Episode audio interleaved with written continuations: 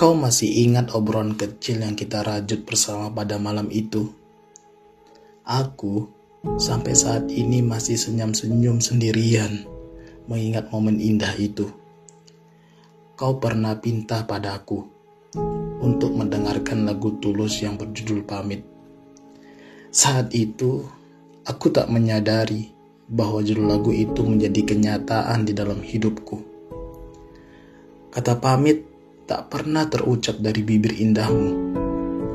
Kata pamit seolah datang tiba-tiba bersama dengan kepergianmu. Tanpa aba-aba, namun begitu terasa. Kita ibarat bulan dan matahari. Kau ada di siang hari, sedangkan aku ada di malam hari. Saling ada, tapi di waktu yang berbeda.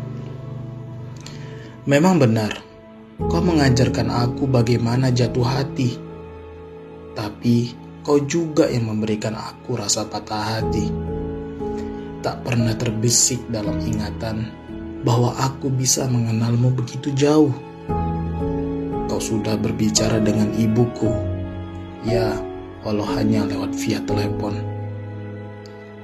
Waktu itu, aku berharap sekali kalau hubungan kita akan lebih jauh. Tapi kenyataannya bukan hubungan kita. Dirimulah yang pergi jauh. Aku ini seperti daun kering yang berguguran. Kau sapu aku, kau kumpulkan aku menjadi satu. Tapi bukan untuk kau simpan, melainkan kau bakar aku hingga menjadi abu. Lalu menghilang saat hujan turun.